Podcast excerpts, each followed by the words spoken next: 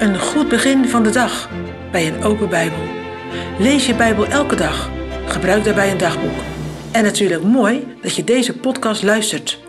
Deze week over Sardis door Frank van Putten.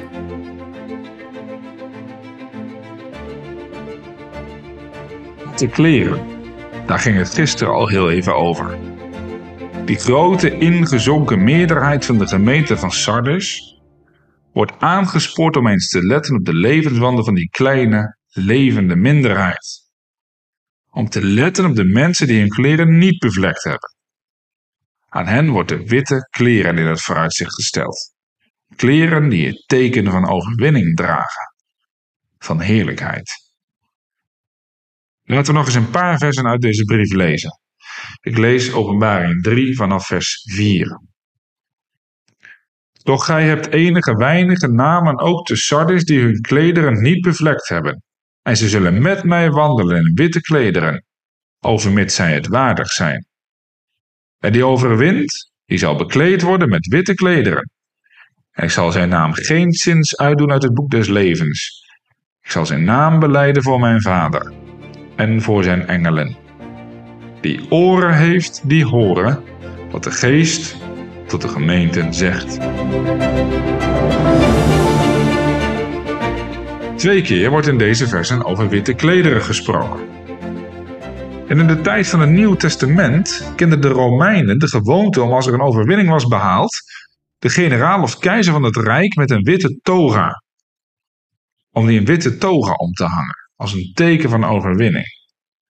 En dat beeld gebruikte de Heer ook voor het groepje mensen uit Sardis, dat geestelijk nog wel levend was. Klederen van heiligheid en overwinning, als teken van de strijd tegen de zonde, maar ook als teken van het eeuwig leven bij God in de hemel. Wie zich bekeert van zijn tevredenheid over zichzelf, wie waakzaam blijft, wie steeds aan de voeten van de Heer Jezus terechtkomt, die zal witte kleren ontvangen. En zo zie je dat er een lijn loopt tussen het leven dat je hier op aarde leeft en je eeuwige bestemming. De witte klederen straks hebben alles te maken met het niet bevlekken van je klederen nu. En het omgekeerde geldt dus ook. Het bevlekken van je klederen nu leidt tot de eeuwige dood. Degenen die hun kleren niet bevlekt hebben, zullen wandelen in witte kleren. Want ze zijn het waard, zegt de tekst. Nou, dat lijkt wel vreemde taal. Leren we dat mensen de eeuwige heerlijkheid verdienen omdat ze zo goed hebben gestreden tegen de zonde? Waren ze zo goed omdat ze niet meededen met de massa? Dat moet een dwaling zijn. De tekst wordt inderdaad niet bedoeld dat ze het zelf verdiend hebben. Ja, ze zijn wel de Heere trouw gebleven. Ze hebben overwonnen. Genade leidt immers tot goede werken, tot het voortbrengen van vruchten voor de Heer. Maar dat is wel iets wat bij de Heer zelf vandaan komt. Om het met de woorden van Paulus te zeggen: Onze bekwaamheid is uit God. Je zou kunnen zeggen, die witte kleren komen bij hem vandaan. En steeds in openbaring zie je die kleur terugkomen, die kleur wit, als het gaat over de Heer Jezus.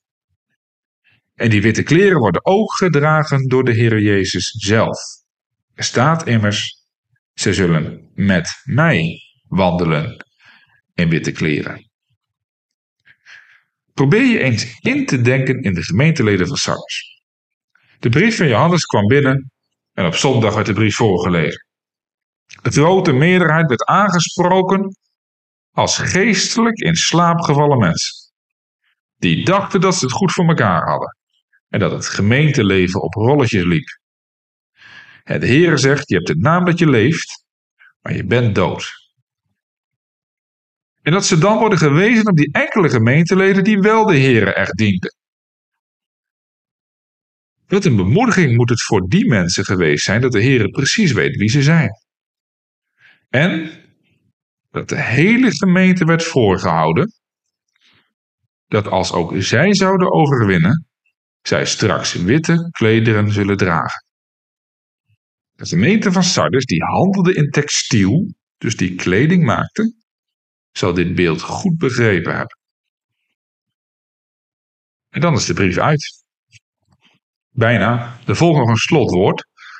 Die oren heeft, die horen wat de geest tot de gemeenten zegt. En ik moet je zeggen, dan dwalen mijn gedachten aan het einde van deze week, van deze week dat we over Sardes hebben nagedacht, dan dwalen mijn gedachten een beetje af. Naar die Bijbeltekst, waar staat: Doden zullen horen de stem van de Zoon van God, en die ze gehoord hebben, zullen leven. Kwam de Heer in deze brief ook niet tot een dode, ingezonken gemeente? En welke boodschap had hij? Ja, een boodschap van oordeel. Als ze zich niet bekeren, zal hij komen als een dief in de nacht. Maar deze brief staat, denk ik, niet in de eerste plaats in de Bijbel om te vertellen hoe het er nou met de gemeente van Sardis voor staat. Ik denk dat de brief er vooral in staat om te laten zien hoe de Heer deze ingezonken gemeente oproept tot bekering. Om te laten zien dat Hij waakt over zijn gemeente. En dat Hij op zoek is naar geestelijke vrucht. Naar vruchten voor Hem. En dan spreekt Hij hen aan midden in een dorre, dode toestand. En wekt hen op tot geloof. Opdat doden zullen horen de stem van de Zoon van God. En die ze gehoord hebben, die zullen leven. Want de Heer Jezus zegt: Wie in mij gelooft, zal leven. Al was hij ook gestorven. En dat geldt ook vandaag nog. Dat geldt ook in jouw leven.